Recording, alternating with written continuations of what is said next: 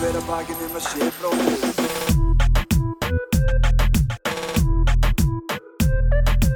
Bera hver að bakinn um að sé bróður eigi.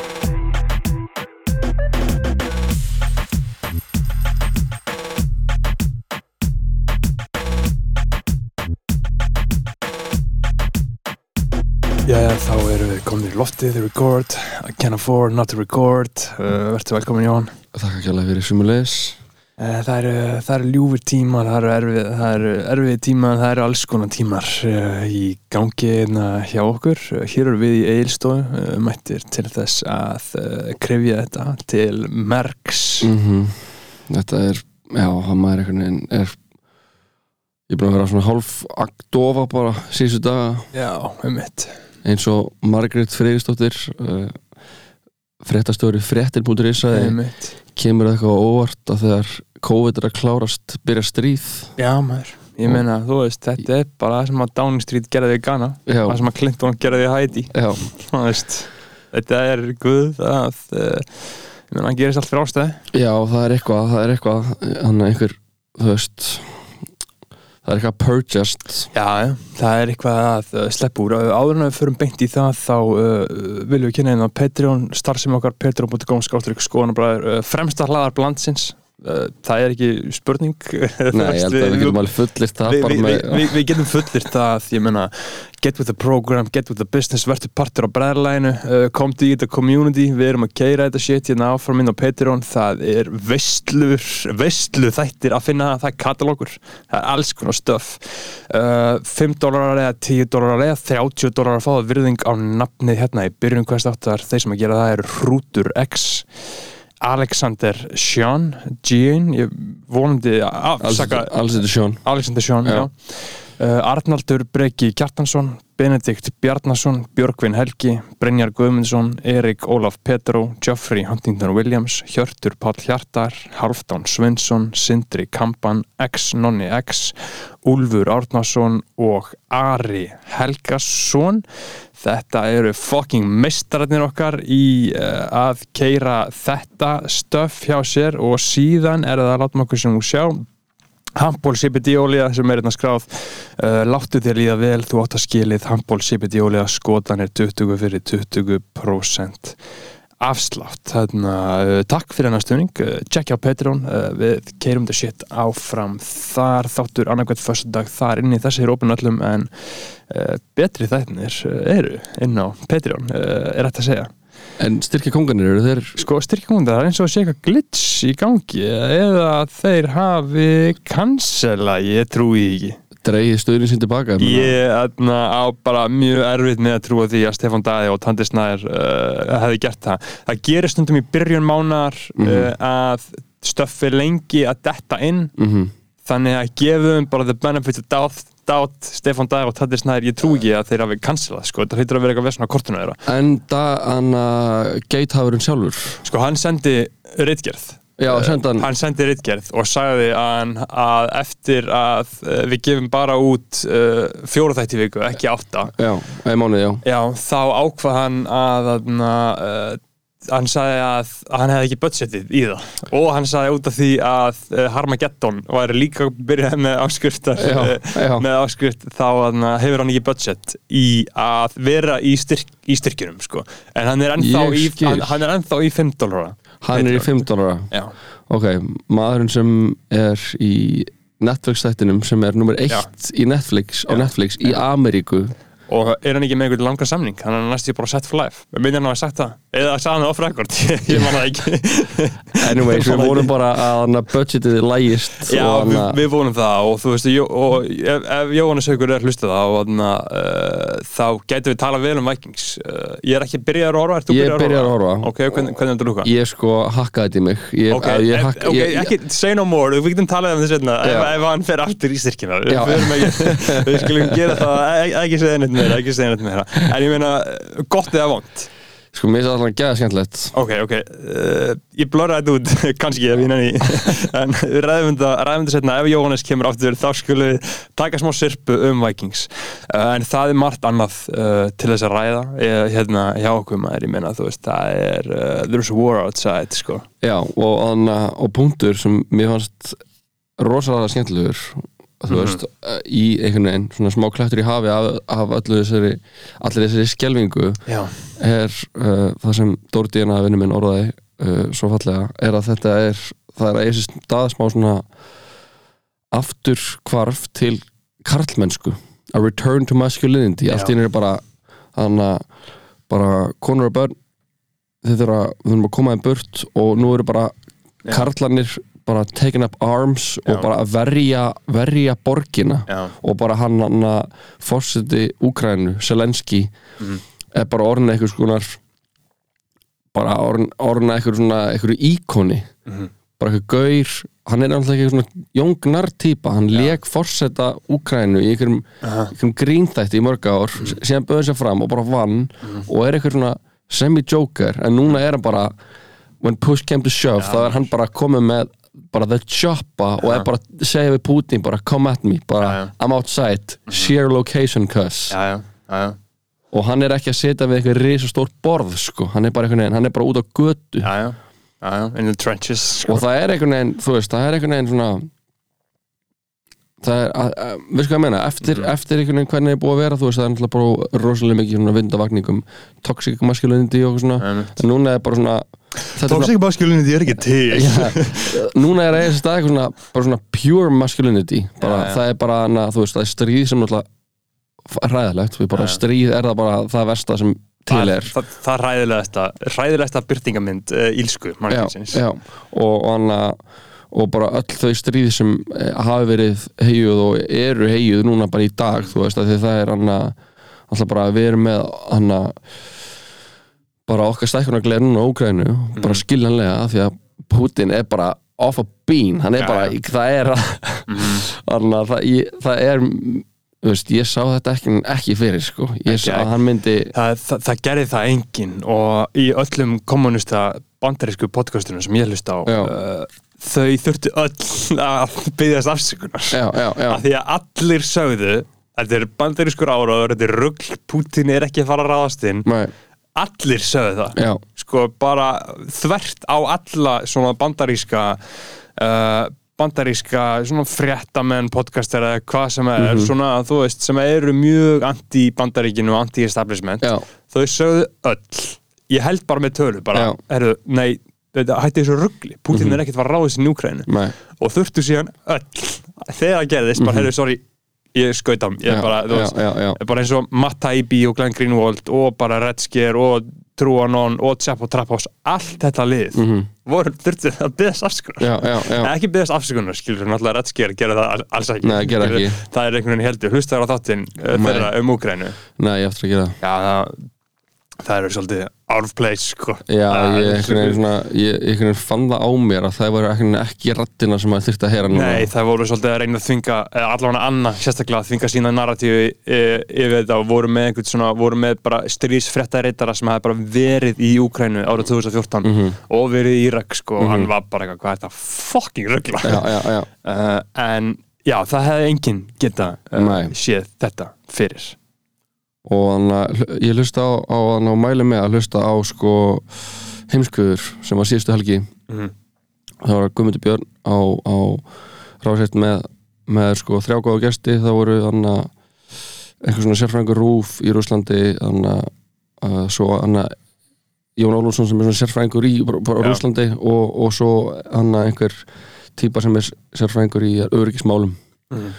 og hann að NATO og, og svona bara Mhm. og bara eitthvað svona í strategi og var að tala um bara eitthvað, já hann er eitthvað mjög slippin hann, hann, hann Putin í þessar Einhver íslenskur sem er svona Já, stríðis já. oh shit það er svo geðast ekki að vera eitthvað á Íslandi eitthvað, já, mitt shit er Já. stríð Já, bara, já, maður, the, art of war Já, já, já. Tony Soprano að lesa Sun Tzu já, sko. já og hann að og já, bara hvernig þið voru að fara inn þú veist, að það var að fara inn svo, það var svo einhvern veginn svona breið lína, það var að fara inn svo mörgum punktum og það var aldrei svona setni bylgjan fylgdi ekki eftir og, og hann að, og þú veist, það er bara að vera að segja að hann er bara, að- Putin er bara búin að tapa Nú, hann er bara búin að tapa strax af því að hann náði þess ekki veist, hann þetta- feilaði hann í byrjuninu Já, að þú veist að því að, að, að þetta hefði verið sko, hefði hann bara náð Úkrænu og hefði bara eitthvað, hefði þessar borgir bara Kiev og þessar borgir bara fallið bara á þrem dögum eða eitthvað, þá hefði hann náð að vinna þetta en núna er þetta bara núna er þetta bara að ílengjast og ílengjast og bara þetta er hræðilegar og hann er byrjað að varpa einhvern sprengjum bara eitthvað mannvirki inn í einhvern borgum til að hann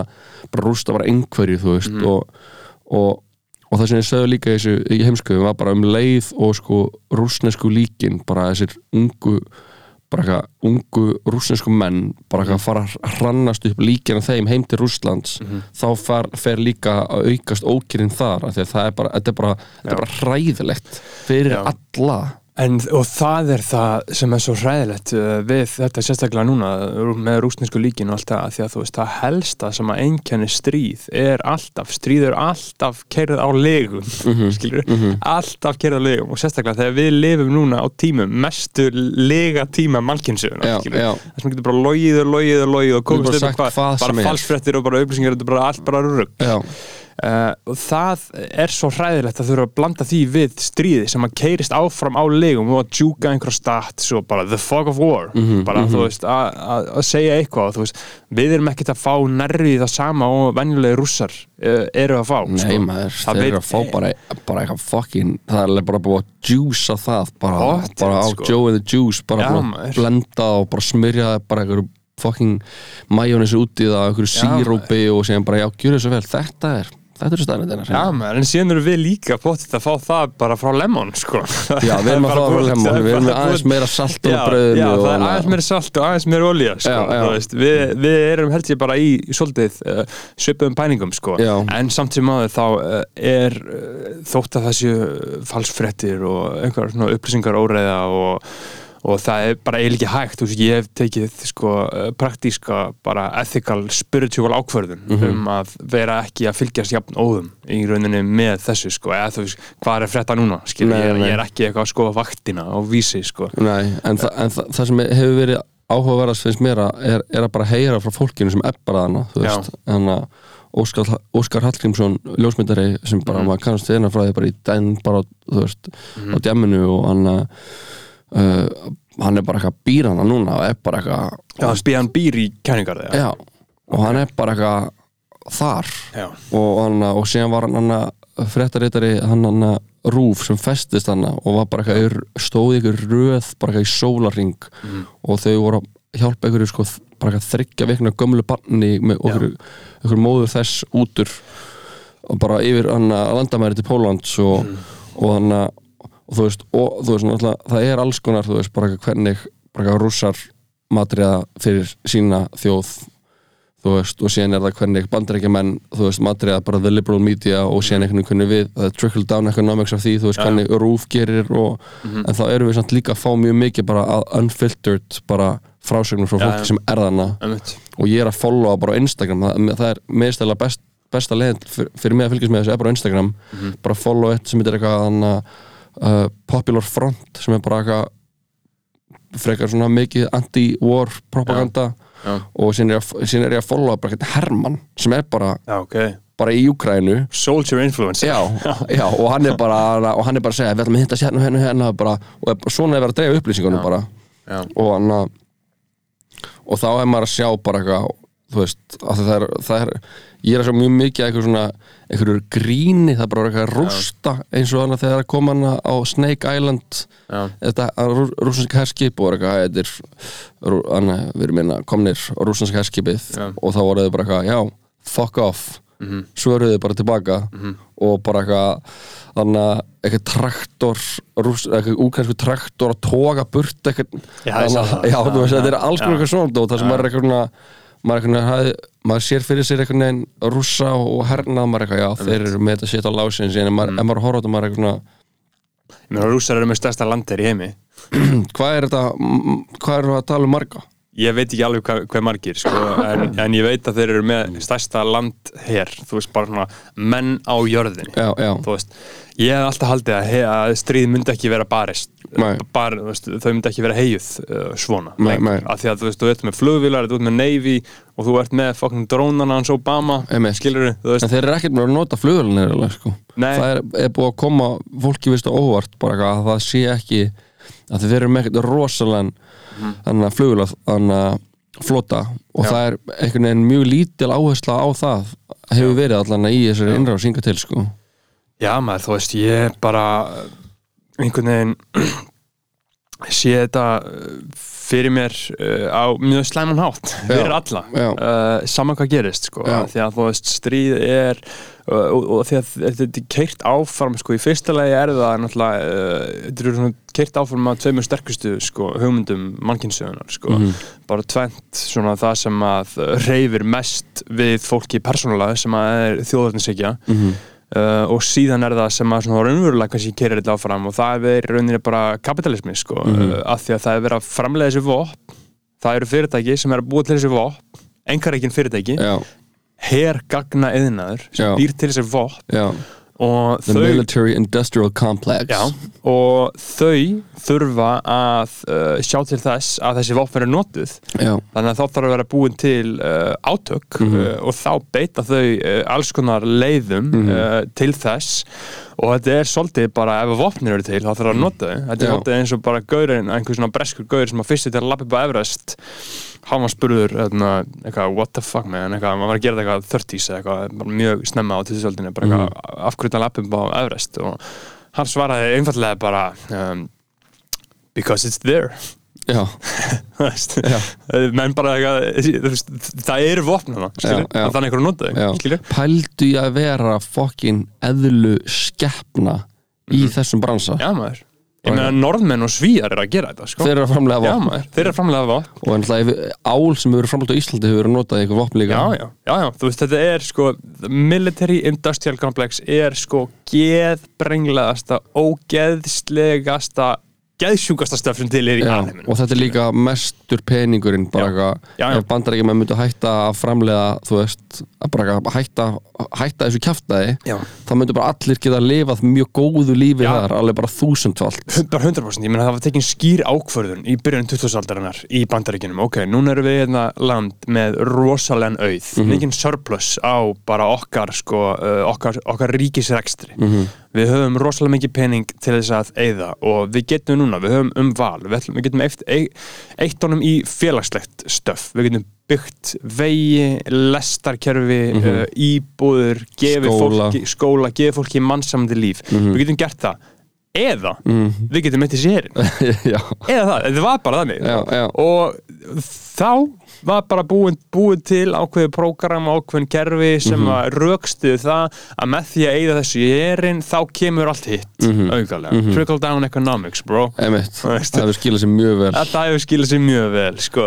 uh, og, og, og þannig var þetta bara gert Já. og þess vegna er sko, við erum að tala um það sko, að bandaríkin eiga meira í herin sinn sko, en bara eitthvað annað já, já, minnir að ég er ekki með tölunarinn fyrir fram mig, sko, það væri gott að hafa eitt Jamie til að púða það upp akkurat núna, sko en þeir eigða sko, meira en Rússland og Kína til samans allavega, í, í Já. herin sinn sko. Já. og þess vegna tala um það, sko að, að þegar bandaríkin eru failed state og það er allt svo shiny og allt svo liðlegt er, Já. þau eigða miklu meiri pening í herin sinn, en hann er samt miklu léleri emitt en Rússland og Kína af því að þeir eru bara með, sko, rússar eru bara með fucking Che- Chechenian soldiers, bara gauðra já, bara Kab- Khabib Nurmagomedov og vini hans. Í Prata Boots. Já, í Pratabút sem bara eitthvað er bara búin að berjast eitthvað byrni upp í skógi bara, Já maður, sem bara, eru bara eins og fucking krakkin í 300 sko. að Sjóðarovski sem að voru bara treinaðir frá því að þeir fættust til þess að berjast. Og ég meina þess vegna eru koma svona ógeðslega góðir uh, fættirar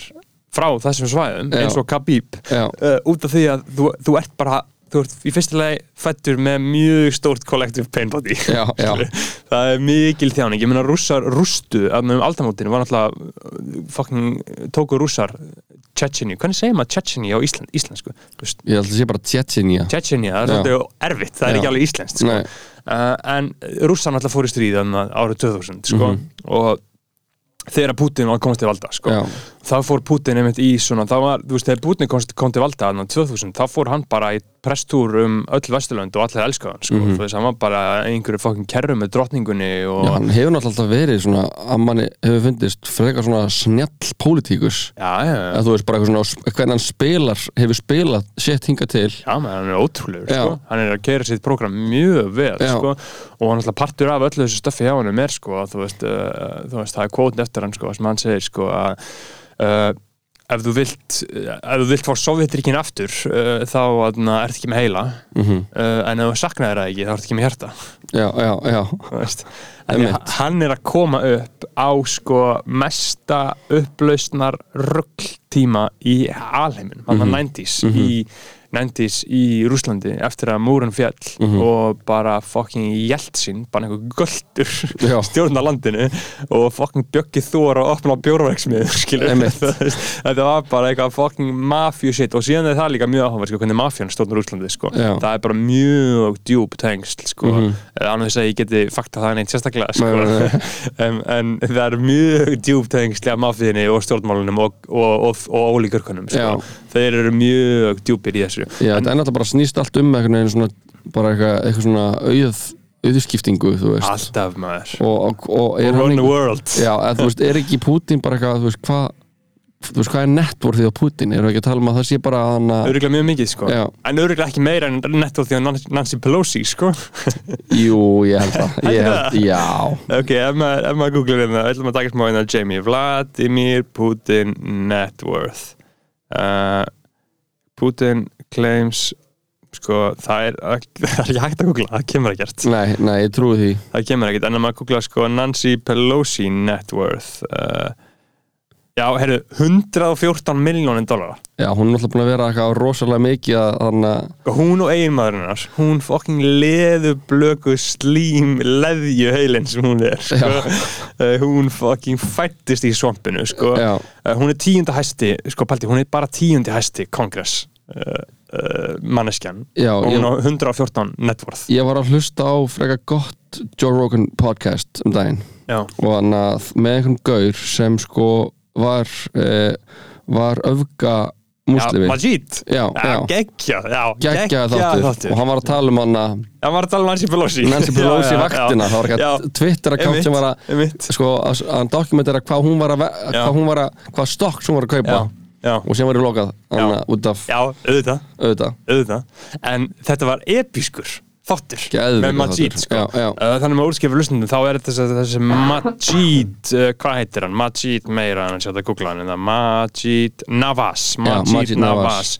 Hann talar um það sko, hann er, hann er breskur uh, breskur gaur sem hann fættist árið 77 44 ára, ég hef kannski Kanye. Mhm. uh, hann ólst upp í Breitlandi og hann var að tala um það sko, sem mér fannst svo fokkin áhuga sem ég aldrei heyrt áður sko, hann er frá Pakistan hann er frá Pakistan og fóröldarnas eru muslimar og þau komaði til Breitlands Mhm. eins og bara rosalega mikið er mjög mikið af fólki á Pakistan. Ótrúlega mikið sko og hann er fyrsta kynnslóðin af þess að börnum, fóreldrar hans eru innflytjendur og hann er fyrsta, fyrsta kynnslóðin sem er bara fæðist þarna í Breitlandi og á hvorki heima í Breitlandi nýja heimalandinu sko. Er bara fullkomlega sjálfsmyndarlaus sko. Og bara fucking radikaliserast og verður bara einn af top dogs í svona radikal islam verður islamisti. Já. og að munurinn á að vera sko islamisti og bara trúa og vera bara muslimi, islam islamisti þýðir að þú viljir í rauninni þvinga trúðinni á allan heiminn, þú trúir á eitthvað starra, þú trúir að þetta sé hinn eini sanni rétti sannleikur. Já. þú trúir á kalifatið sem Mhm. er alltaf mjög falleg sko, hugsun, sko, kalifatið sko, eða þannig séð, skilur það bara eins og kingdomið í, í kristintrú, skilur Já, bara allt verið fullkomið, skilur á endanum. Og þú trúir því að með því að þú keirir þitt prógram með uh, þínu fólki, þá munur einhvern veginn þá munur allt vera gott, þá munur allt frelsast. Mhm.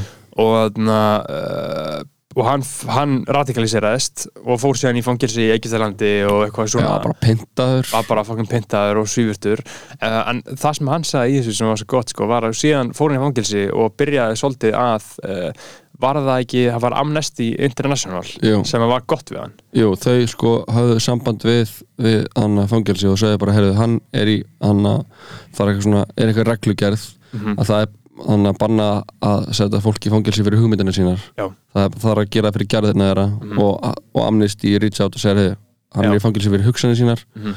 og pælingarnar og það er ekki, þú veist, Já. það er ekki sangjant Nei, og þetta í fyrsta sinn sem að eitthvað svona uh, vestrænt whatsoever hefur gert eitthvað gott fyrir Já, bara, og líka eitthvað bara eitthvað svona yfirvald eitthvað svona, þú veist eitthvað batteri. Af því að hann var bara eitthvað upplifið bara sturlan rasisma og bara ofbeldi og vinir hann stungnir Já, fyrir framan hann bara í London já og hann að bara og bara svona sköllað þú veist. Já, bara hryllingur sko. En síðan fer hann út í það að vera þú veist, og verður eitthvað svona anti að reyna að einhvern veginn leysa the war on terror Já, og, já. og fer og verður svona ráðgjafi hjá Obama og, og, og hittir. Bush fokk ég veit eitthvað Joe Rogan var alltaf að spurna um Bush alltaf að spyrja hvort það verið heimskur. Já, what's he like, what's he like, Því að Bush er náttúrulega, hann er, hann er low IQ legend, sko. Já, en hann alltaf leta alltaf hann hljóma eins og hann hefði verið alltaf bara frek góð gaur sko. Já, já, ég meina, auðvitað eru langt flestir gauðra þannig, sko, síðan er hann bara eitthvað fastur uh, fastur í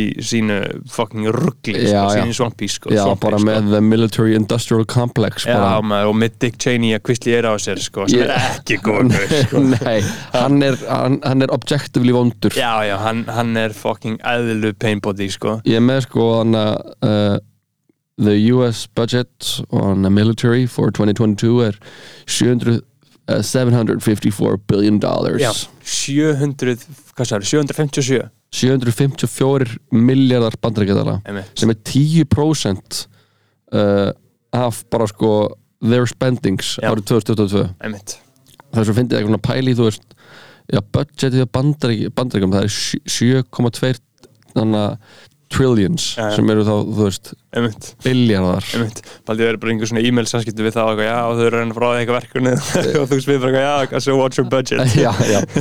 758 billion dollars. Bara næstu í trilljón það er ekki þúsund biljónir sem er trilljón eða? uh, jú, jú, ég, jú. ég myndi halda það, Já. næstu í trilljón já, já maður, uh, en það sem, að, sko, Majid gæði sagði á Joe Rogan sem var svo gott sko, var að þarna uh, með því að Amnesty passa upp á Mhm. að þau sko, með tilfinningunum sínum mhm, og hjartanu sko.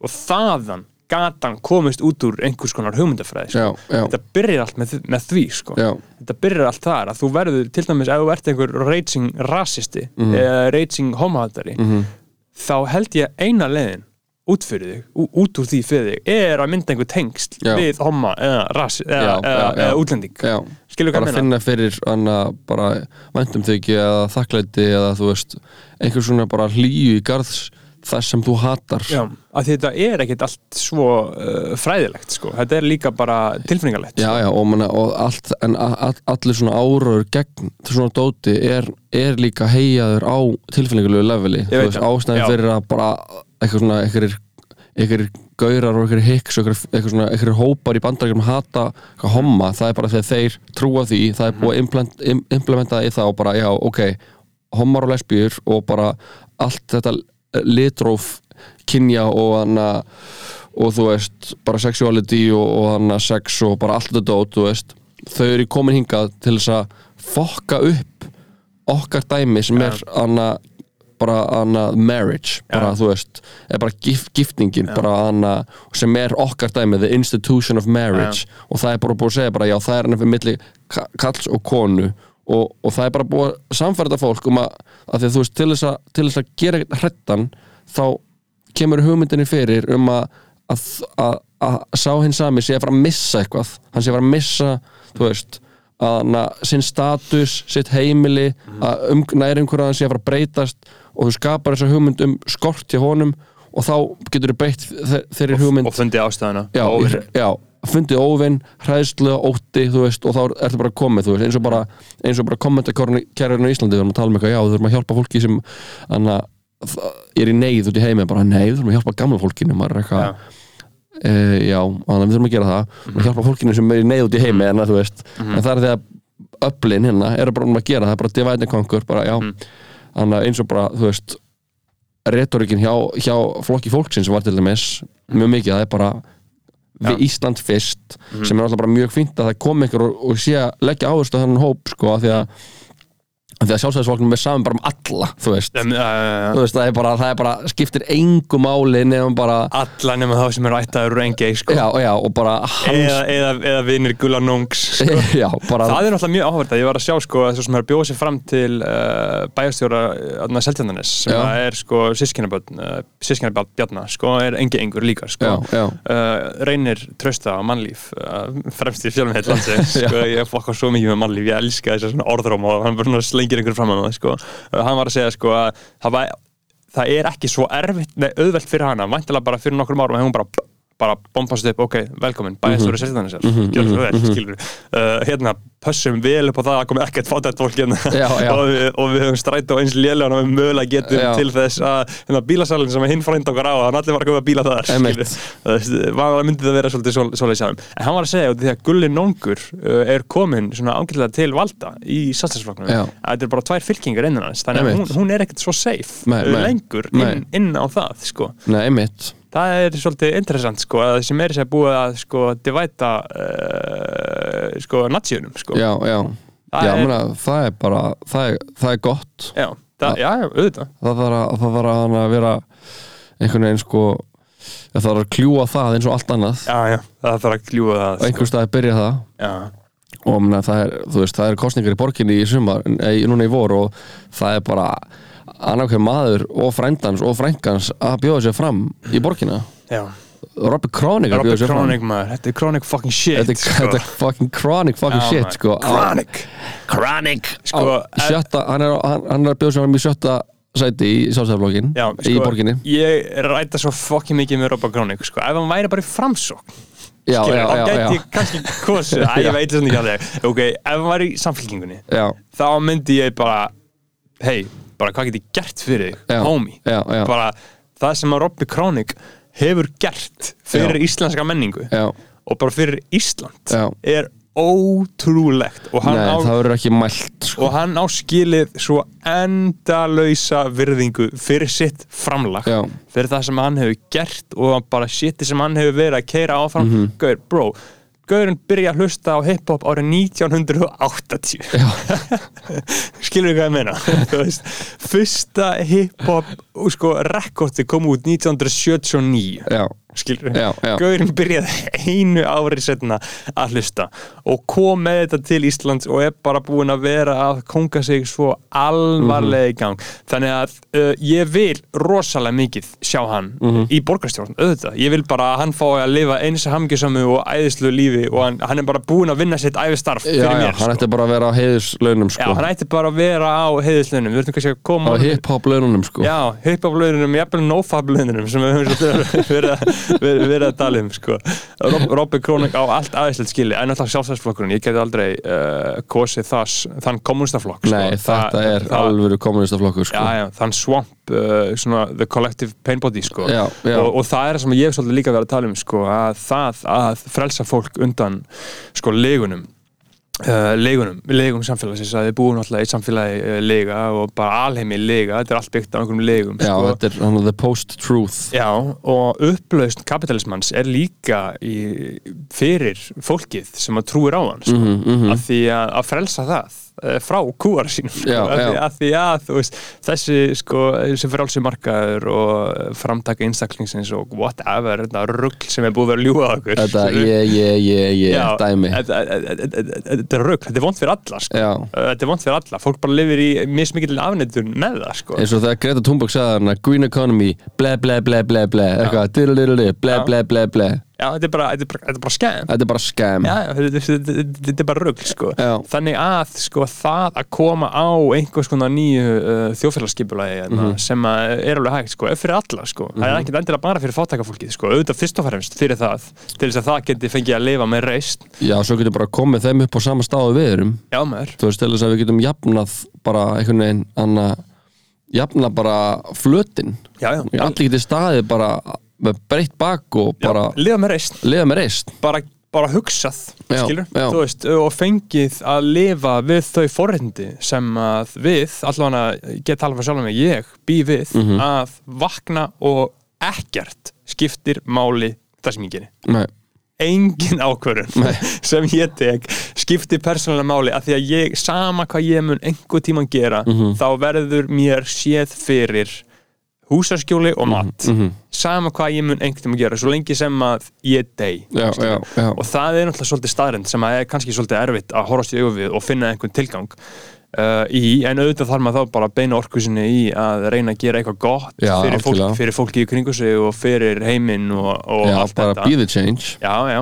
algjörlega, sko, I'm starting with the man in the mirror Já, sagði, uh, sagði uh, mestarinn, sko, Já, Jackson sagði kóngurinn. Já, kjóngurinn Já. sko, ég, sko Já, það sem ég var að segja með það, þú veist, það búa ekki allir uh, við þau forréttindi. bara svo langt því frá. svo langt því frá og það sem að er, finnst mér þótt að ég auðvitað tek öllum natsíum bara my brother, I'm praying for you Já, já. þess að ég bara tek öllum að fullum kærleika og ég reyni ekkert að breyta fólki sérstaklega ekki fólki kringum mig, kring, kringum mig sko. Nei.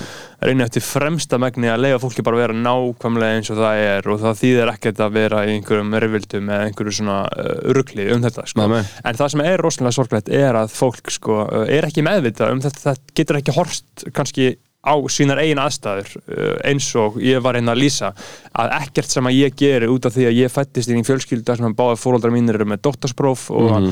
við, uh, ég fættist í einbýlishús Dr. Beggi Já, einmitt Já.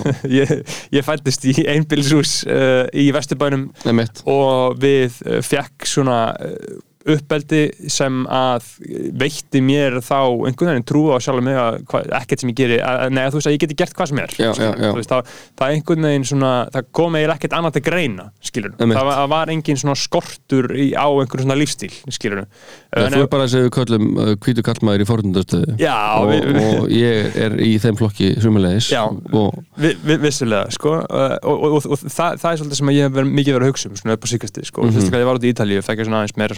Space á það, sko Mhm. uh, að vakna, sko, fá í rauninni að vera svona einstillaður því í rauninni svona uh, intellectual og cultural sjálfströsti til Mhm. þess að einhvern veginn geta uh, gert hvað sem þú vilt það er alveg jafn verðmætt og einhvers konar fjárhagslegt uh, sjálfströst sko, að, að geta bara bókstaflega gert hvað sem þú vilt, ekkert sem gerir skipti máli sko, Mhm. uh, og þetta helst svo rosalega í hendur sko, að því að ef það vantar upp á uh, peningalegt öryggi mm þá er ekkert annað að fara að fokkin koma sko. með, með, með, það, það, getur ekkert annað gert Nei, sko. það, ertu bara, dag, til dags það var bara dag til dags bara barátta já, og þess vegna ætti okkar helsta markmið sem samfélag Mhm. ekkert annað ætti í rauninni að skipta máli en að leifa öllum að vera ekki fátækt mm leifa öllum að bara fá að fara í háskóla -hmm. fá að vera að æfa eitthvað stöf íþróttir eða klarinett eða, eða, eða, eða hvað sem það vil gera Já. gefa fólki tíma til þess að fá að lesa fá að horfa, fá að hugsa fá að fara í sund skilur Mhm. Já, pæla eins í sér fá að til sálfræðing já, skilur og þetta er bara, bara frítt að æfa Já. allt, frítt í allar íþróttir, öll hljóðfæri uh, frítt að fara til sálfræðings frítt að fara í skóla frítt að fara til læknis, Jep. tannlæknis. Pældi hvað með því stjættofaldi því að það kostar svona mikið að fara til já tannlæknis maður.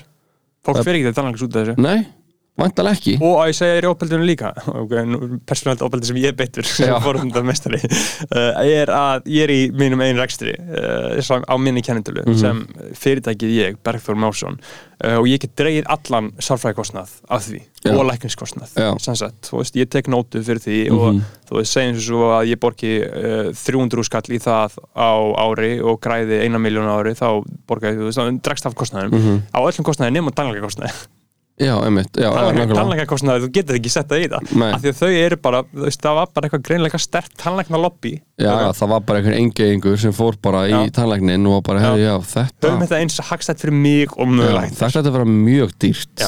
Þetta, þú veist, og, og þetta er líka bara Þetta er stjáttuáfaldi Já. að því að bara hvað er það fyrst sem þú sér þegar fólk bróðsir framnið það er það bara, það er bara tennar Já. og þú sér bara, já, ok, þetta er hann er ekki með góða tennur þannig að hann lítur ábygglega að vera ónýtjungur og Já, hann fær ekki að vinna hjá mér hérna Já, og, bara svita á mig já, já, já, Já maður, en ég minna að þú veist það, það sem ég var að segja sko með að uh, við fórum að tala um þetta út frá Chronic í, í, í borgina Já. sko, auðvitað, þú veist, bara right on Robbie Chronic sko, en ég get aldrei kosið sjálfstæðsflokkin sko. Það er bara ekki sæðis að því að þeir einhvern veginn deila þessari sín alls ekki sko Nei, nei. Bara, þú veist, þeir vilja ekkert sko, ég, ég skil ekki alveg hvað þeir vilja sko. Nei, það er engin hugssjón nei, það er bara græðki og, og frekja sem keiri það batteri áfram. Og, hana, og, og einhvern veginn svona veit ekki, ég er bara ekki, það myndir frjósa í, í helviti fyrir en ég myndi kjósa sjálfstæðisflokkin sko. Já, það er uh, bara út af, út, út af þessu, þú veist, við búum hérna í, það sem ég hef verið að segja mjög lengi, við búum hérna í 365.000 manna landi, sko. Mhm. það væri hægt að, þetta, þetta ætti að vera svo auðvelt já, það ætti að vera svo fucking mikil veisla að gera eitthvað king shit hérna. þannig að Mhm. allir geta að lifa með reist við getum tekið við fullt af útlendingum getum búið til góða fucking 5 miljón manna þjóð það sem allir svo gæðið það sem allir eru sáttir, það sem er wave á eigirstöðum, wave á Já, wave já. á Ísafirði allir að keira sitt prógram allir bara myndum get rid of the collective pain body allir myndum bara fá að fara inn að ríki myndum bara fönda fyrir alla helstu sko þjáðu valdamenn þjóðarna bara herðu, kallum minn, við ætlum að senda þig hérna í ayahuasca í já, Peru, í já, Peru. MDMA Já. Talk Therapy Já, þú ferð hérna, uh, hérna núna í ágúst þá ferð þú uh, til, til hérna, Cusco í Peru og Já. hittir hérna Juan Carlos Já. sj- sjaman Já. og, og þú ferð á sjö dagar í trít Já. og, og þú losnar við uh, það sem að er að þjáðu sko. Mhm, og þá uh, getur kannski hérna, nýtt þína þekkingu í já uh, til þess að gera eitthvað good shit hérna, sko, Af því það er svo mikið þekking þarna og bara svona skilningar á kerfinu og eitthvað svona en því er bara beitt í bara að einhvern veginn viðhalda rugglinu rugglinu við þurfum að fá uh, Hjeðin Unstensson í þáttinn sko. Já, við þurfum að gera það. hann er að vinna í fórsettisáðanetunum Já. og hann er í stríði við, við þetta rugg sko. Já, já. það væri mjög gaman að, að tala við hann sko. einhvern mann sem er raun, raunverulega þekkingu Já, og förum á sýninguna líka fyrst Já, ég er búin að sjá hana sko. Fóru að sjá hana, ég er þarf að fara að sjá hana, já. já. hún, er, hún, er, hún er fín sko. Já. hún er bara mjög fín sko. Já, Vertu Úlfur maður Já, Unstensson er kongurinn sem er að keira svolítið gott prógram inn í fórsettisáðanetunum Já. sko. af því að þú veist á Íslandi erum við hvað er ekki með 56 sveitafélag eða eitthvað ég bara allt, er allt, bara- allt og mörg bara eitthvað rugglu og allt stjórnað einhverjum smákongum og allt eitthvað, þú veist, í svolítið fucking miklu ruggli, sko Já, bara kostnar ykkur innvið og bara ykkur, ykkur skrifstofustjóra og bara Já. ykkur um öllum þessum skrifstofum bara Mhm. hleypur bara á hundruðum miljóna í eitthvað dót sem ætti bara að fara í að gera líf fólks bærilegra Já, þú veist, þetta er í rauninni mjög einfalt, sko en síðan er allir að segja, þetta er svo flókið en bara, mm, bro, na, ekki alveg sko. Já, já, það er hann að, þú veist, auðvitað að segja allt sé ekki að flókið Mhm. þú veist, það er það, það er, Þa, það helst svolítið í hendur, sko, við allt sé svona flókið. Sú hugmyndafræði helst svo rosalega mikið í hendur við það að, sko, afneita því að hér á Íslandi búum við í þrælasamfélagi, sko. Að já. hér séu pólverar og litáar og fólk frá Austur-Európu Mhm. og allstæðara sem er að vinna skítavinnu og borgar í leigu jafn mikið það sem þau fá í laun og komast aldrei upp úr því. Já,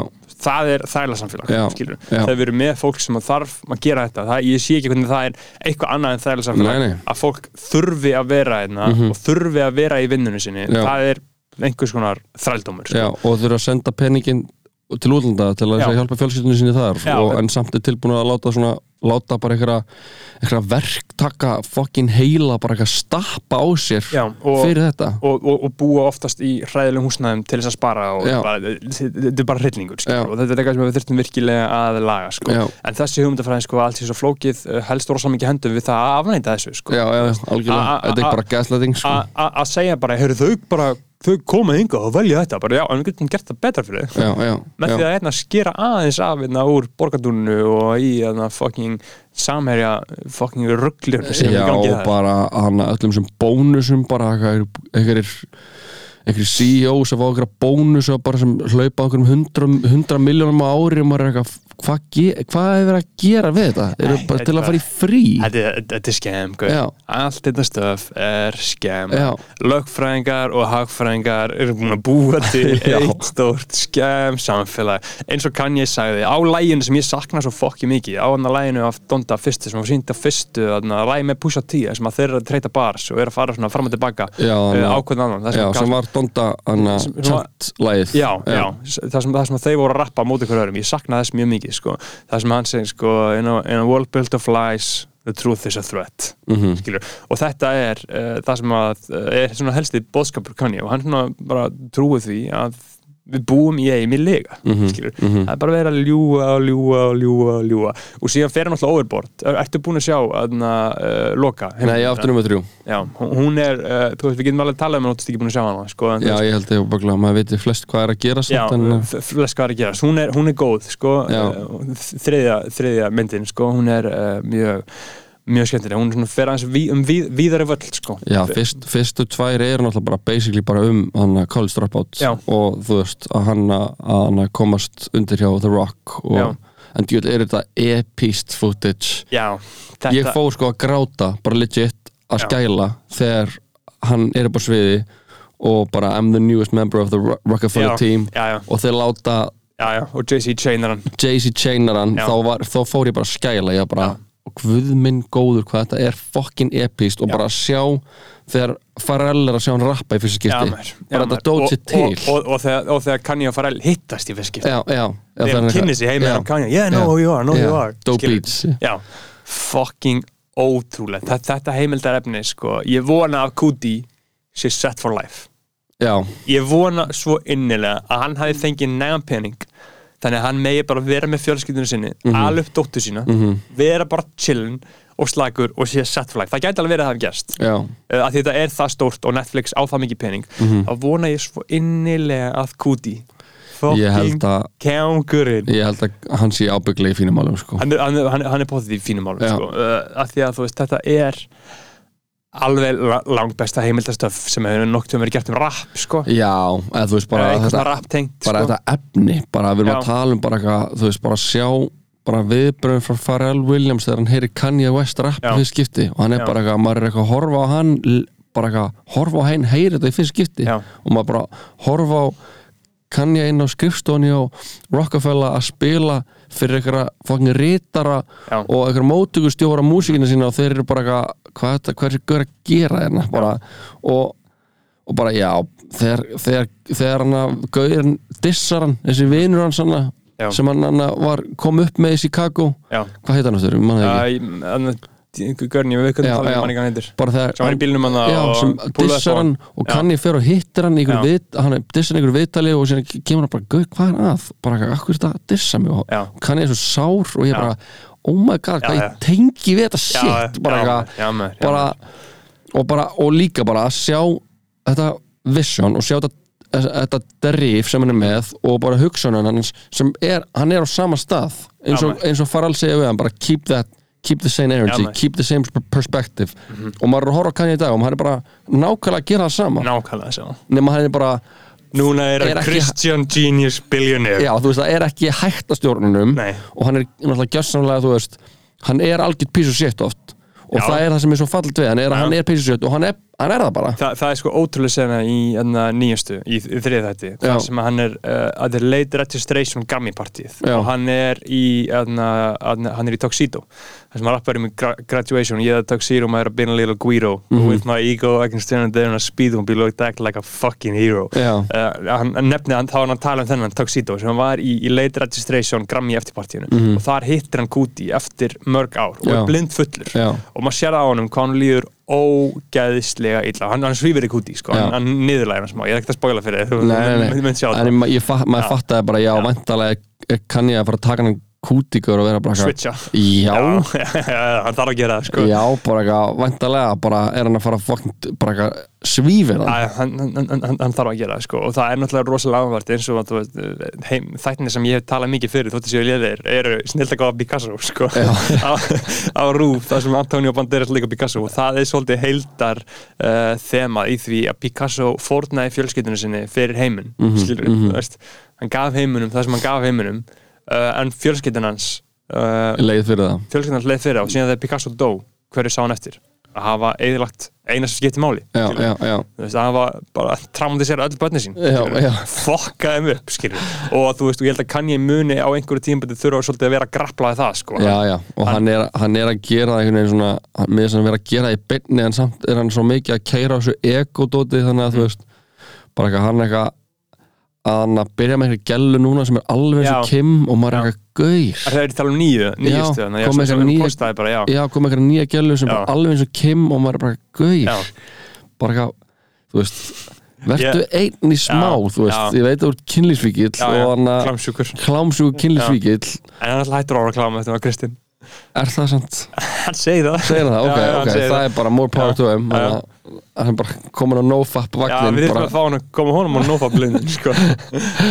en hann að ég er ógæðislega ánægð með þetta efni sko. ég, ég byrjaði kjálfara að horfa síðan á Get Back hann að bítla dótið já, sem er rosalegt footage líka Já, sko. good shit, ég held að því já, ok, Það það eru er, nýju klukktímar, eða?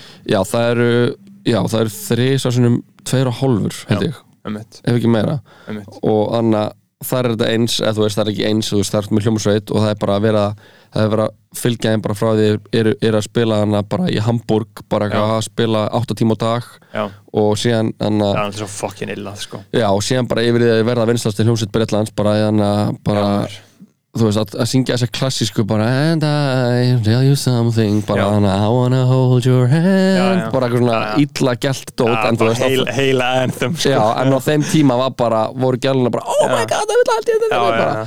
Og síðan bara, þú veist, verðar ógæslega frægur að fara til Ameríku og síðan bara hana uh, gera þér Sgt. Peppers þú veist, fara til Indlands, gera Sgt. Peppers gera Já. hvítaplötuna Menn eitthvað svo fucking mikið til Indlands, maður Já, Ég maður- fucking þrái það, já sko Thomas Kenner í Indlandi núna Já, alveg, Já. ah, respect, maður og, og síðan er bara, þú veist er þeir að fara að gera þessa hana, plötu, hana, þú veist, þetta er Get Back og, og þá er eitthvað svona dæmi, já, þú maður taka upp okkur að gera plötuna og þetta er bara basically bara inn í setti Mhm.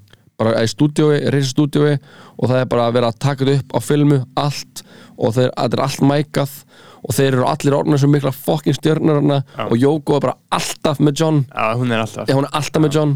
Og hann og þú veist hana, George Harrison og Paul veginn alltaf eitthvað svona goodie guy þú veist og hann og það er bara svo hella að sjá okkur þess að gauðra það er svo mikið hlæðsla á þeim. Þeir eru bara, eitthvað- eru bara búin að vera stærstu rockstunir í heimi. bara, í, það er búið að vera svo ábúinlega svo fucked up þú veist, og síðan er þið bara mættir og eru að fara að semja og það er bara einhvern veginn alltaf einhver anna alltaf einhver anna, þú veist, gauður frá Indlandi sem er eitthvað svona situr út í hotnu og er eitthvað svona, er eitthvað byggja sem er eitthvað svona gauður sem er að rúla með George Harrison eða eitthvað svona. Og Svona hann- spiritual guru, já, Silicon já, já, bara ekki, ekki þannig gauður sko. Bara með eitthvað indveri á launum. Já, nema hann er hvítur gaur, þú veist, einhvern hvítur gaur frá Indland, þú veist, einhvern sem fór með hann til Indlands og algjörlega bara eitthvað, þú veist, datt í pókan eða eitthvað og, Já. hana, og þetta er, þú veist, ég er búið með, ég er bara búið með smá á þessu, en þetta er bara strax bara fucking epíst, Ok, nice, sko. ég, ég, ég, ég, ég spennti fyrir þessu, ég ætla að tjekka á þessu sko. Og það sem er að, er að með þessi svona, þú veist, það er mjög mikið dæmi í gangi núna að gera eitthvað quality tónlistar documentaries Já. og það sem ég langar líka mjög mikið að horfa er Summer of Soul sem fjallar um tónlistarháttíðina sem var uh, ég held að hann hafi bara, hvort hann hafi verið í, í New York uh, á sama tíma og Woodstock Já, þú veist, bara hvað, 69 eða eitthvað það sem er bara brjálu mótmæli bara Black Panthers og bara það Já. er bara, bara því líkur hitti og þá var bara þannig að var bara öll, allir bara flottustu hana, svörtu listamenn bandarækina að spila hana bara eitthvað svona soulful dæmi alveg bara og á sama tíma og bara borgin var bara eitthvað og, og, og bandarækin voru bara að gliðna Já, já. út af bara racial tension. Og þetta er eitthvað hann að ég held þessi húl út og ég held þessi, þú veist það, það, það er verið að gera mjög mikið af mjög góðu, en á sama tíma er líka verið að gera eitthvað mikið af dóttur sem er svona freka mikið með eins og að, að þú veist, ég er ekki búin að horfa á Kid Cudi heimildamindina, ég er ekki búin að horfa á Juice Já, WRLD nenni, og Lil Peep Og var líka mitt, skilur Já, og veist- síðan kemur einhver mitt Mac Miller heimildamind, skilur Æ, það, það var nú gaman að hún væri Já, en það það er náttúrulega, það svaka drama í gangi, sko, með æfisögu Mac Miller, sko, það var gæði sem að skrifa, það eru tveir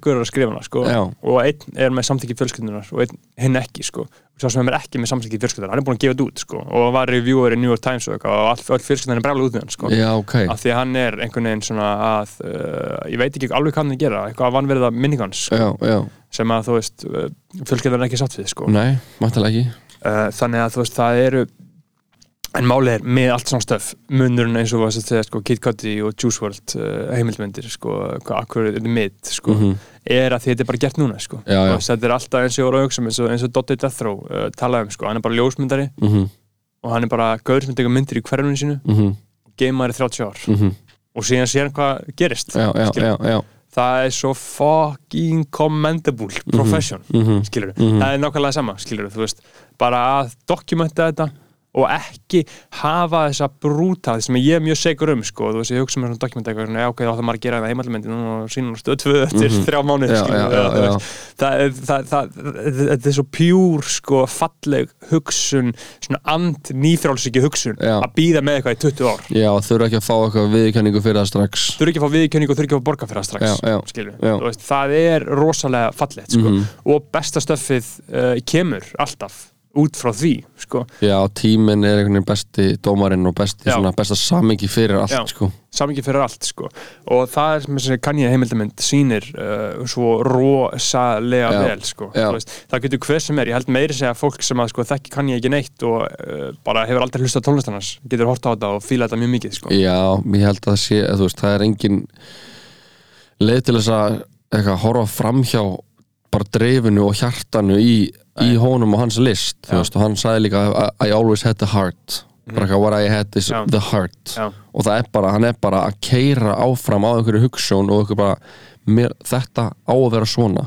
Og þessu gæði líka að sjá þegar hann er að, að taka upp kórin fyrir hann að Through the Wire með einhverjum, þú veist, fjölskyldu kór mömmu eða bara inn í einhverju herbergi. Í einhverju herbyggja, einhverju liði sem nenni ekki neitt. Þetta gæti verið sko bara eitthvað félagsheimili á borganessi Já, þau nenni ekki neitt að vera eitthvað hlustan og eitthvað syngjað og eitthvað, það hljóma ekki það vel. Já. og síðan er hann bara með eitthvað pælingur og er eitthvað að, tjáða þér og er að Mhm. segja bara, neða, gera þetta svona, gera þetta svona og það kemur hann upp þannig og síðan allt í einu þau komin í grúfur, syngja þetta og maður maður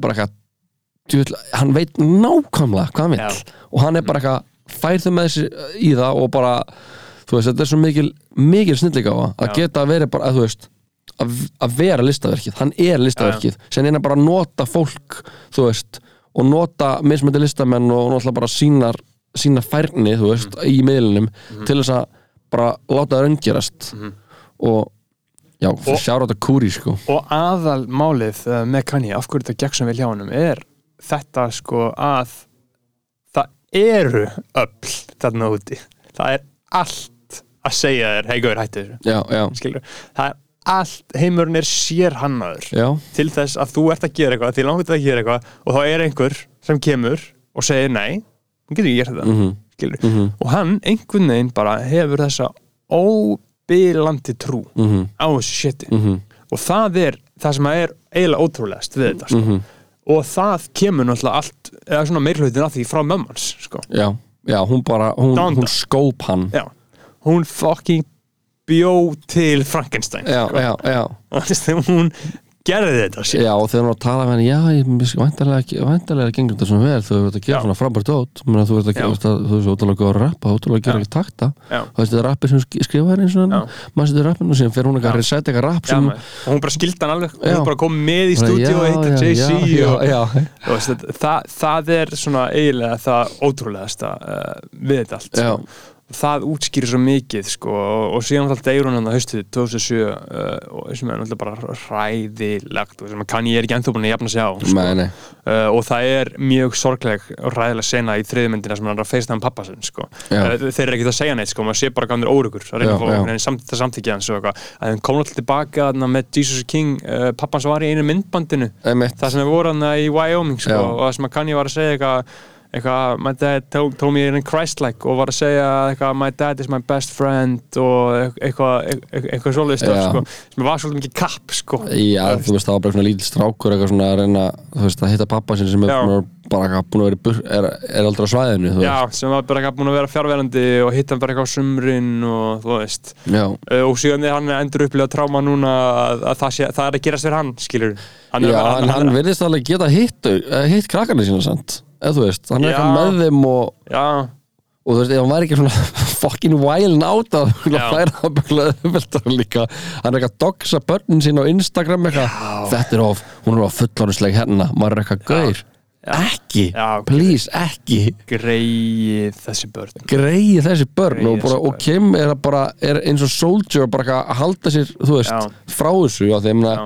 þetta er alveg, þú veist, þetta er bara hella á alla, á alla kanta, en þú veist að vera með eitthvað, að hætta með Kanye og sinni hann bara eitthvað doxa þig og, og búlja kærastæðin Já, já. og allt í henni bara eitthvað allur heimurinn. Er bara að horfa á Easy-vídeóið það er bara eitthvað að vera að fucking bara eitthvað draga Pete Davidson er bara að skýta inn í þetta vídeo og hann er bara eitthvað greið skít Já, maður, þú veist, þetta er bara eitthvað og, eitthvað, eitthvað því að hann er eitthvað, eitthvað, eitthvað peð í the liberal media þú veist, maður er eitthvað gaur þú veist, já, já, sure, en Mm. Já, já. come on þú Já, veist, hann, er- hann er bara eitthvað skít og þess að var alltaf langt besta, langt besta uh, kenningin um hann sko er að hann er bara að reyna að komast í The Children of the Illuminati sko, til þess að, að hefna pappa síns hefna pappa síns fyrir 9-11 að þegar pappans uh, fórst í 9-11 Einmitt. uh, var slökkulismæður og, já. og dó sko. Og það er alltaf marka hann þess er hann með svona mikið á tattoo og er svona, er svona mjór sko. og, og þess vegna er hann eitthvað notar hann húmor til þess að uh, til þess að reyna, og- að kópa sko. Já.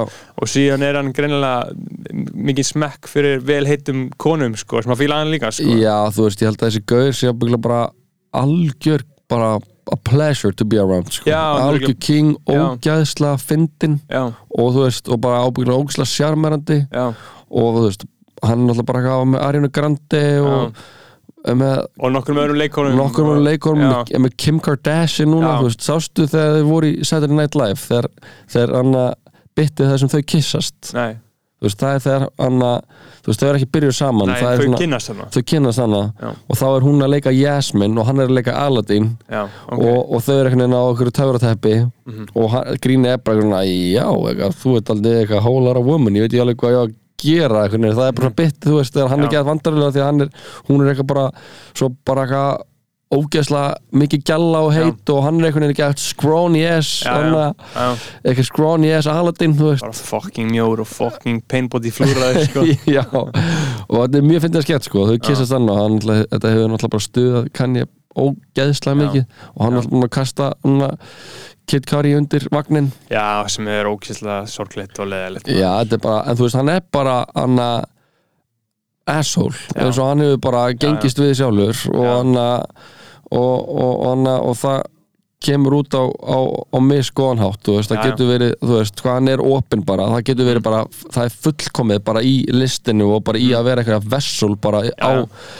á einhverjum kröftum sem eru Já. bara æðri Já, og síðan það kemur eitthvað svona hefur peinu persónulega, bara eins og bara þetta Picasso dæmi, þú veist, það eru bara er fólk að þjást já, það er svolítið hann sko bara Corey Gamble og þetta er eitthvað posta ekki mynd af Corey Gamble og drullir hann og bara Já, já. og en finnast það var þegar hann fór í gæður og sumarið 2020 sko, þegar hann var ennþá með game sko, og kallaði Christian eða Chris Jong-un. Já, já, everybody knows the movie Get Out is about me. Já og síðan var hann eitthvað bara alveg bara að lofa hana í bak og fyrir um daginn. Já, einmitt, saman væri bara eitthvað boss mom og já, mena, hún náttúrulega bara mena, hún beigði þetta, þetta veldi já, hún er for bara better or worse sko. ég mena öll þróun Já, er for, for the better þú veist, það er bara hana þetta gerist allt einhvern veginn sko. Já og annað, þú veist það, maður, það er einhvern veginn ekki að segja annað þú veist að hl- hlutinir færast áfram og, og góður á vondir þá það er bara ein leið þú veist Einmitt, einmitt. Gaur, ég var að, var að fóra að hugsa sko um svona uh, Hollywood fólk og aðna, mótel og svoleiði stöf sko. Mhm. Uh, og því ég hef alltaf haldið svona, já, nei, nei, þau er ekkert eitthvað það miklum lítið að gera um eitthvað, ég hef alltaf haldið að það sé bara smá kapp, Já. það fattar ég, alltaf bara svona, já, akkur myndu nennan því eitthvað, en sér sé fór ég bara að fatta, gaur allt þetta lið, skilur allt þetta Hollywood lið væntalega eru þau að bæjóhakka ég meina þú veist þeirra forsendur fyrir því að vera í þessar valdastöðu er að vera eins, líta Já. út eins og þau líta út Já. eins lengi og þau geta. Já, þau eru með uh, þau eru með st- st- stærri rass, þau eru með stærri brjóst uh, þau laga á sér nefið laga, þau laga allt andlitið. nefið, kinnbeinin, höguna kinnarnar, ennið augun, þú veist þetta er bara þau bara, bara hefur skoðað bara Bella Hadid before Já, and after Já. þú veist, þú bara hún, hún bæjóhakkaði sko hún er bara með þessar strengi sem halda Já. augunum að sér upp í þessu, þú veist, bara Já. kísu augunum upp, þú veist, þetta er bara þau eru bara með eitthvað alvöru Já. funds, bara já, Já. heyrðu, við ætlum að fara henn og breyta, Já, og bara gera þetta fullkomið bara bara eftir Kylie Jenner, þú veist. Já. Það, það, það er þetta að sjá fyrir og eftir myndir, myndir að henni sko. Já, mena, þú veist, hún var ekki einhvern kynþróska það sem þau voru bara að, Já. það var bara dæla fyllingarefni í þú Já maður, og bara tæka, byrjaði með henni. Já, tækapn að vera að, að fokkin, að grúma hana hefur lengi maður og, grei, þetta, þetta, grei, þetta fólk, það, þau eru alveg fórnalömb Já, meina, þetta er náttúrulega bara- sko bara pældi að vera bara Kylie Jenner, hvað er fokkin sköllað? Já, ég get ekki, eiginlega ekki ímynda með að vera líf sko. Uh, út af því að þú veist, sérstaklega maður heldur í þá trú sko, eins og maður tala um sko, sjálfstafsflokkin og uh, hvernig fólk keirir sitt prógram á sko, þú veist, stærsta lígi uh, samtímans er svo að það sem þú þráir sé að fara að gera eitthvað fyrir þig sko. Mhm. þú veist, ef þið langar til að vera eins og Kylie Jenner bara, vá, ok, skilur það mér gera já. mjög, mér nota það líða mjög illa, já, ok, þið langar þér en Ferrari ok, um liður fara ná líður aljafn illa skilur. já, já, uh, en allt okkar samfélag og allt okkar kerfi er byggt á þessum draumum Mhm. og þessum uh, söluræðum og þessum lígum að ef að þú færi þetta þá myndir fá þetta og þetta, þetta sé bara inn í allt sko. já, já. Þannig bara nákvæmlega er þetta þannig virkar hagkerfi okkar sko. Já, Þannig auglýsingar, að þetta er bara mótili við byggjum að þessu að búið til skort þið vantar þetta, Þið sem þetta. það og þið líður og þú veist, fyrir tíma uh, auglýsingana sko, þá uh, var fólk ekki að hugsa svona sko. Nei, Þú veist, það er rústnesku pesant sem hefur ekki farið sturtur í þrjá vikur er alveg jafn hamingisam með Jeff Bezos sko. já, já, skilja, hann, hann, hann er með alveg jafn mikil hormón. Já, hann, hann, hann, kl- hann klárar að plæja einhvern akkur fyrir þrælamestran sinn Einmitt. og er jafn sátt við það og Jeff Bezos þegar hann fer upp til tungsins þetta er, er, alveg það sama sko.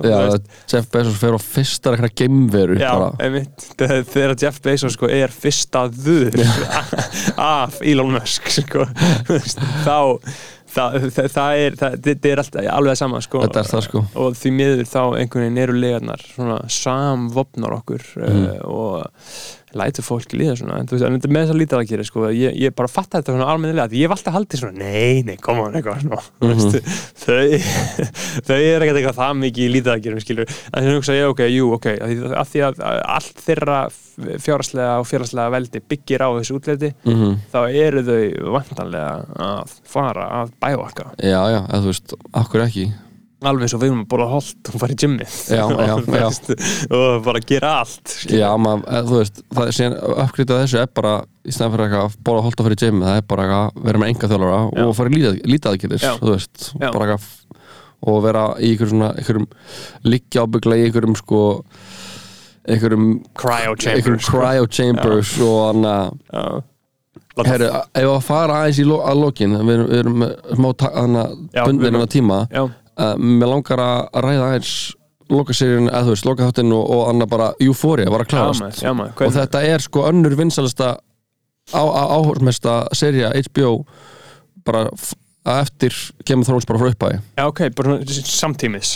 skilur við, ok. Neða bara þú veist, bara hvað er búið að horfa eða þú veist, jú, jú, jú, Öruglega á einhverjum mánuðum Já, á einhverjum mánuðum, já, á einhverjum, þú veist. Einmitt Ok, og hvernig, hvernig var sér lokin? mér fannst lokin geggjuð sko. Ah. já, mér fannst, mér fannst þetta einhvern veginn vera anna þú veist, ég, hún, hún kom hún, hana, Lexi kom mjög sterk inn sem Já. karakter Já, svona, sko uh, sýstir hennar, hennar Cassie og hann Cassie átti rosalega serju Já, já maður Al, sko. algjörlega með bara mesta main character syndrome anna, Já, mest, að þú veist, þetta er mesta bara svona main character syndrome sem ég, maður hefur séð bara í sjónvarpi sem er mjög Mm. gott að sjá, Já, þú veist, eitthvað sem er algjörlega að missa sig bara já, í my experience bara Já. og, og hann að Já, það eru sumir sem einhvern veginn hafa verið ósöld með þessa seríu, þú veist, maður lesa eitthvað á netinu rættið og eitthvað svona, fólk er miss átt með þetta en ég var mjög ánægð með þetta og mér fannst einhvern veginn þú veist, Rú var náttúrulega bara eitthvað í hakki þú veist, Mm.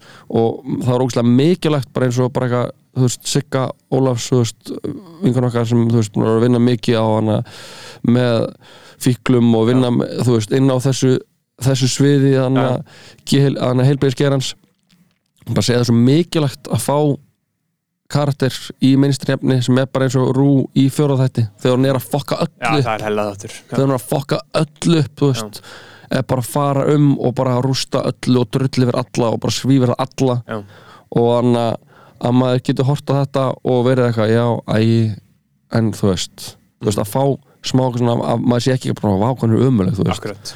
Það er ógæslega mikilvægt fyrir vitundina, bara svona the collective consciousness að við séum að, frábært að krakkar séu að horfa á þetta sko. já, það er það sko. Ég get eiginlega ímyndið með neitt betra fyrir krakka að horfa á en akkurat þetta já, sko. já, og bara sjá hvað það er mikið pain bara hjá, þú veist, líka bara þetta gellu pain, þú veist, Já. eins og bara Cassie. Já, á maður, sko, the, the woman pain body. Já, Það, sko, the collective sásöki kvennana maður. Úf, maður. Bara er, að, er bara eitthvað vill, þú veist Maddie, vill fá Nate en Nate, þú veist er bara er bara að það er búið að eyðileggja hann veist, hann er bara hann er bara, hann ekki fara að geta gert neinum gott, Ég hef aldrei séð, sko, að ég er náttúrulega allar minna að rætti við konur. Og, þarna, uh, og ég hef aldrei séð uh, þeirra svona upplifun uh, Já, svona, hm, Mhm. ok skilur ég hef svona einhvern veginn svona leira og núansera og djúpa sko. Já, já. ég hef aldrei hort á svona stelpustöf sem ég veit ekki hvort það hefur gert áður eða hvort ég hef bara farið á misviða Já, ég held að þú bara fór að missa við það Já, sko. pottet sko. Uh, eða kannski svona akkurat núna þegar ég er svona opinn fyrir því og get tekið á móti því þá, Mhm, Já, þá, þá, þá sé ég að það það. fyrir alltaf eftir því sko. Uh, en sko þessi seria Euphoria bara mjög góð þetta er málið sko því að fyr, serían byrjaði svo vel. Mhm. fyrsta önnur serja núna að ég fór bara ok, wow, þetta er bara svona alvöru HBO mestarverk, Mhm, svona ok, wow fór svona, svona bera þetta saman. Þú veist, allir samanböru sér róf, skilur en Já, svona, já. þú veist, það var verið að svona segja rosalega merkilega og sterka hluti sem ég fannst uh, ungt fólk sérstaklega þurfa á að, á að halda sko, Mhm. og svona fór, ok, þetta er svona Succession level, gott stuff sko, og Sopranos og, og uh, þú veist, White Lotus. Þú Mhm. veist, White Lotus, ég er alltaf gaur, ég er alltaf að hugsa um White Lotus.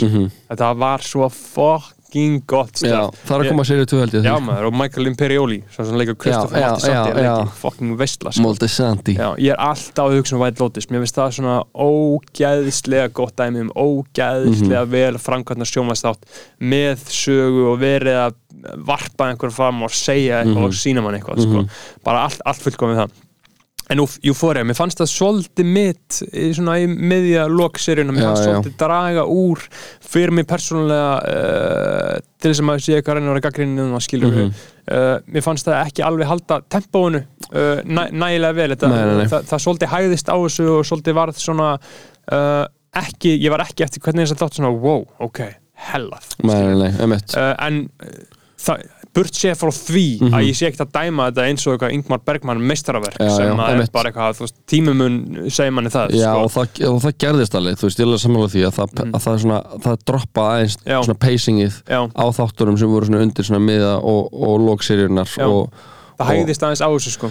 já, og, na, það sé allt í lagi sko. já, og byggt upp samband þetta, þú veist, Matti daldið svona hvarf daldið Já. og, og hún og mér, mér fannst hún eiginlega áhugaverðast í gardirinn sko. Já, þú veist, það var svona aðeins eitthvað með hvað hún ætlaði að gera í lífinu, þú veist, maður, maður var, ég hefði verið til að sjá meira af henni og, og, og, og hún katt hvarf líka Já, og, þannig að- ég las eitthvað að það hefði verið eitthvað deilur við Sam Levinson já, ok og svona, hún hefði ekki vilja að, veist, hvort, ég man ekki, það var eitthvað deilur um að hún hefði að vera með hann að eitthvað svona eating dis- disorder eða eitthvað. Það ætti og hann, hefði ekki hún hefði ekki viljað það eða hann hefði ekki viljað, ég man ekki hvort það var þú veist, Já, já. En, það, en ég held að hún hefði bara verið sk skrifið alltaf út úr þessu að þú veist, bara svona kæna kart þetta var bara lóndið hliðar. Og síðan alltaf var alltaf fókus á Fess sem er sérlega, sko, hann, hann er góðu karakter en það er Já. kannski líka svona þú veist, maður var búin að fá baksögur en það var kannski ekkert þú veist, síðan er ekkert bara slag djúft á honum heldur. Nei. og það er verið að gefa, að gefa Lexi alltaf mikinn fókus með þetta leikrit Já. og, og Fess og Fess og líka sko þannig í lokin þú veist þegar hún og Zendaya eh, tala um sko er að tala um hann og við veitum ekki hvort hún sé að tala um pappa sinn eða Fess skilur Já, og já. hvernig hún sækist í ofbeldið sko þegar náttúrulega hún sér Fess í fyrsta sinn í fyrsta þettunum þegar hann ræðist á neitt sko og, og sér það og sækist í ofbeldið það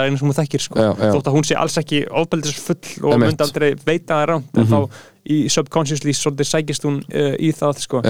Uh, og þú veist og það er líka þetta dæmi að- að að gera upp tilfinningar og gera upp sorg og, og hann og þú veist, þetta, þetta var svona þú veist, ég, mér- fannst alveg svona smá á einhverju leveli, þú veist hann að pacingi vera í takt við það sem við verðum að fjalla um. Já, þú veist, þetta var ekki, þú veist, jú, í náttúrulega svona katta á milli þess, þetta fess, þetta action dot sem er í gangi á honum og, en þú veist, að mér fannst þú vera svo mikið að fjalla um svona hvernig maður einhvern veginn díla við sorgina sína og tráma sitt og bara eitthvað svona óhaminginu sína á þess að bara eitthvað, þú veist, að maður ætlar ekki að fara bara, fara bara full berserker mode á það, þá fannst mér, fannst mér sko pacingi á þáttunum að svona endur speikla það, já. þú veist, að það er eitthvað svona hægt, það er ekki eitthvað svona, það er ekkert en, en, en þá á sama tíma þá verður þetta líka ekki jafn spennandi, þú veist, Akkurat. þá er þetta ekki bara svona, oh shit, þú veist, hvað, eða annað. En það er verið að fara að gera sériu þrjú og, og já það verður að gerast. Já, það er búið að staðfesta það og, og verið áhört að sjá bara hvað annað þú veist, hvert þetta fer næst. Já, maður, ég meina ég ræta með þessu, ég fokka með þessu. Já. Sami Levinsson veit hvað hann er að gera sko, og þú veist, er sjónvarpið frábært miðl, til þess að miðla svona stöffi og segja eitthvað og einhvern veginn tikka í öll box sko. Já, og eiga er- samtal bara við samtíma sinn, þú veist, það, þessi þáttur er að gera það að, hana, á mjög góðan hátt Já, sko. mjög góðan hátt sko. Það er frábært að úlingar séu að uh, horfa á þetta sko. Já, já, að þetta, svolítið, þetta sýnir uh, margt sem að þú sér ekki neins þar annars þar sko. algjörlega. Þess vegna er svo fallið hvernig HBO í, í rauninu operator sko. Að þetta, þetta er ekki, þú veist, þetta er áskrifta þjónusta sko, það er engar auðlýsingar í meðin þáttum og, og þetta er bara pjúra fucking good shit sko, eins og ég er Mhm. búin að hlusta á þarna, hljóðbók sem Michael Imperioli og Steven Sirpa, Bobby Bacala og þarna, Christopher Maltsanti gerðu um Já. gerð Sopranos ok, sko. mæli fokki mikið með henni sko. þetta hún, hún, hún heitir hérna, Woke Up This Morning uh, og þetta er basically bara upp úr rauninu podcastinu þeirra já, en meira bara svona concise skilur, Mhm, við taka mhm. fyrsta seríuna fyrir, síðan taka aðra seríu og síðan taka alltaf viðtöl við hvert sem er sem að á við, sko, Já, já. er audible þetta er alveg æðislega bók, sko þetta já, þetta er alveg geggjubók, sko, Mhm. þetta er elskana, sko og, og ég er svona há- hálnað með hana, sko Mhm. Og, og þar eru þeir að tala um, sko, bara, þú veist stöffið sem fer í að búa til eitt sopranostátt, Mhm. er bara eins og, er eins og að gera 13 bíómyndir uh, og það sem var í gangi og það sem allir sem að komu að Sopranos Mhm. á þessu tímabili sem þetta var í loftinu 99 til 2007 uh, segja bara uh, þetta er unmatched. Já, það verður aldrei neitt jafn gott gert. Nei, verður, og út af því að orkan var svo góð. Já, já. David Chase sem að uh, stjórna þessu hafði verið að gera sjónvarp í 20-30 20-30 ár áður en hann fekk að gera Sopranos. Mhm. og hafði verið að gera eitthvað super mid stöf bara út af því að uh, formið leiði ekki neitt annað sko. Og síðan fekk hann loksins tækifæri til að gera bara fucking meistarverk. Mhm. bara svona óstjórnlega guðlega gott stöf og það skilaði sér á öllum hliðum í Mhm. sjónvarsáttunum sko. Mhm. og út af því að sko, er veist það þarf svo fucking mikið að klikka sko já, já, já. það þarf svo ógeðslega mikið að klippa sko. þess vegna tekum við bara ofan hattinn fyrir Sam Levinson uh, og David Chase og öllum svona sem að í rauninni geta uh, geta komið sinni sín í verk mm Mhm. því það er ótrúlega ótrúlega erfitt að gera Jesse sko. Armstrong og Jesse Armstrong og, og síðan viðtal í, í þessar bók sko, við Matthew Weiner sem gerir, aðna, sem gerir síðan uh, Mad Men sko. hann, hann skrifaði 20 þetta og Sopranos kom inn í það sko og kom inn á það sko, inn í það, sko, bara eitthvað early 2000 sko, Mhm. uh, kom út af því að hann sendi David Chase pilotin fyrir Mad Men sko, uh, og, Nei, en, en engin annar trúið að Mad Men og svo er eitthvað annar gauður sem fór og gerði þannig Borto Empire eða Já, ekki? jú, annað hvað sem gerir Bulldog Empire, jú, og bara Marky Kings líka, Michael Imperioli skrifaði nokkað þetta líka, Christopher og þú veist, þetta er bara fucking epist, sko. Já, uh, og það er svo erfitt að fá fjármagnið uh, og fá tökumann og hljóðmann og Mhm. fucking allt tökulið og græja og síðan þetta að skrifa handritið og síðan þetta leikara og síðan þetta props og síðan þetta búninga já, já, og síðan þetta make-up og síðan þetta location og síðan þetta framlýslu og síðan þetta pening skil, þetta er hella. En þetta er að, ég held að það sé að, veist, það, það er greinilega búið að vera breyting í þessu núna og ég held að fólk sé að átta sig, að þú veist, fyrirtæki eru að átta sig á því að þetta, það, þetta er Fólk það sem koma skal og fólk Já. vill þetta, þú veist, Já. og fólk er að geta þætti, sko. já, fólk er að háma. Það sem ég hef ágjur af er að fólk sé að horfa á, ekki horfa Já, já, skilur ekki að meina fólk Já, er já. símanum að meðan að því að við erum overly stimulated sko. en þetta er bara einhver ágjör sem að uh, skipta engum máli sko. Þetta er bara svolítið sem ég hef verið að velta fyrir mér upp á já. hversu mikið uh, af uh, stöffi er verið að horfa á eða ekki skilur, hvað Já, ég vel, þú veist, sumt sem ég horf á, uh, þá leiði mér að kíkja á meðan, já, einmitt. eitthvað mitt, eitthvað gunjit þá, þú veist, kíkti í síman í Vikings, já, oh shit, Jóhannes Haugur maður. Oh fuck. Oh fuck, Jóhannes Haugur, kotta aftur. Það skal ég hef búin að vera að horfa á Vikings sko, það skal ég tjekka það, sko. Já, ég tekið svo bara persónulega, sko, Já. hann, hann, hann, hann sendi, hann sagði, þetta er ekkert diss, uh, þetta er ekkert illa meint, uh, þeir eru báða Kings. Já, já, við sendum bara mikla vinningu og Jónas Haug og óskum til hamingju. Já. Vikings Valhalla er nummer eitt á Netflix í Ameríku Í Ameríku líka? Í Ameríku Ok. ég, Þú veist, ég veit ekki á Íslandi, ábyggla á Íslandi Já, á Íslandi, ég en, sá það, Já, en í Ameríku, sko Ok, America, maður. Shit, maður. Joey Hawk, hann fara til Hollywood. Jeps. Once again. Once again, Return of the King Já, ok, ok, Þa, það er frábært maður, ég, ég, ég þarf að checka á það, ég fokka mjög mikið með vingastöfi, sko, það er bara, Já, það er náttúrulega mjög skemmtilegt, ég sko fokking hef alltaf elskað En þetta er aldrei fyndið, sko Ég það. aldrei, já, þú veist, það er bara eitthvað svona Þú veist, mér finnst svona dótt er oft aldrei fyndið að Já. eitthvað amerikanir eitthvað Já. að, þú veist, tala með einhvern eitthvað, Gunnar, Gunnar. Gunnar, já, Sigurður. Já, já.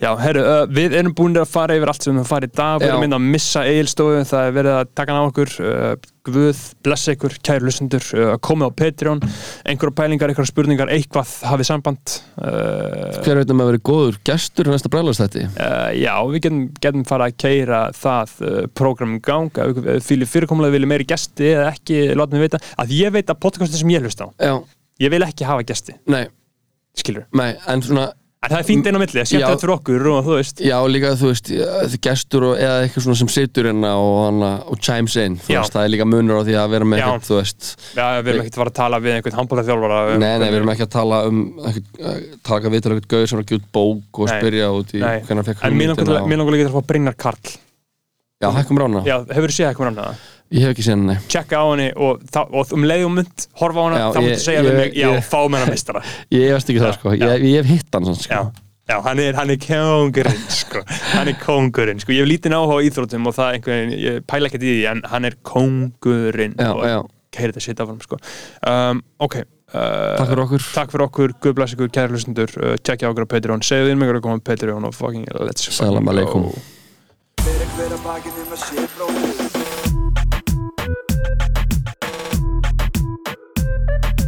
Fyrir hver að bakið um að sé bróðir eigi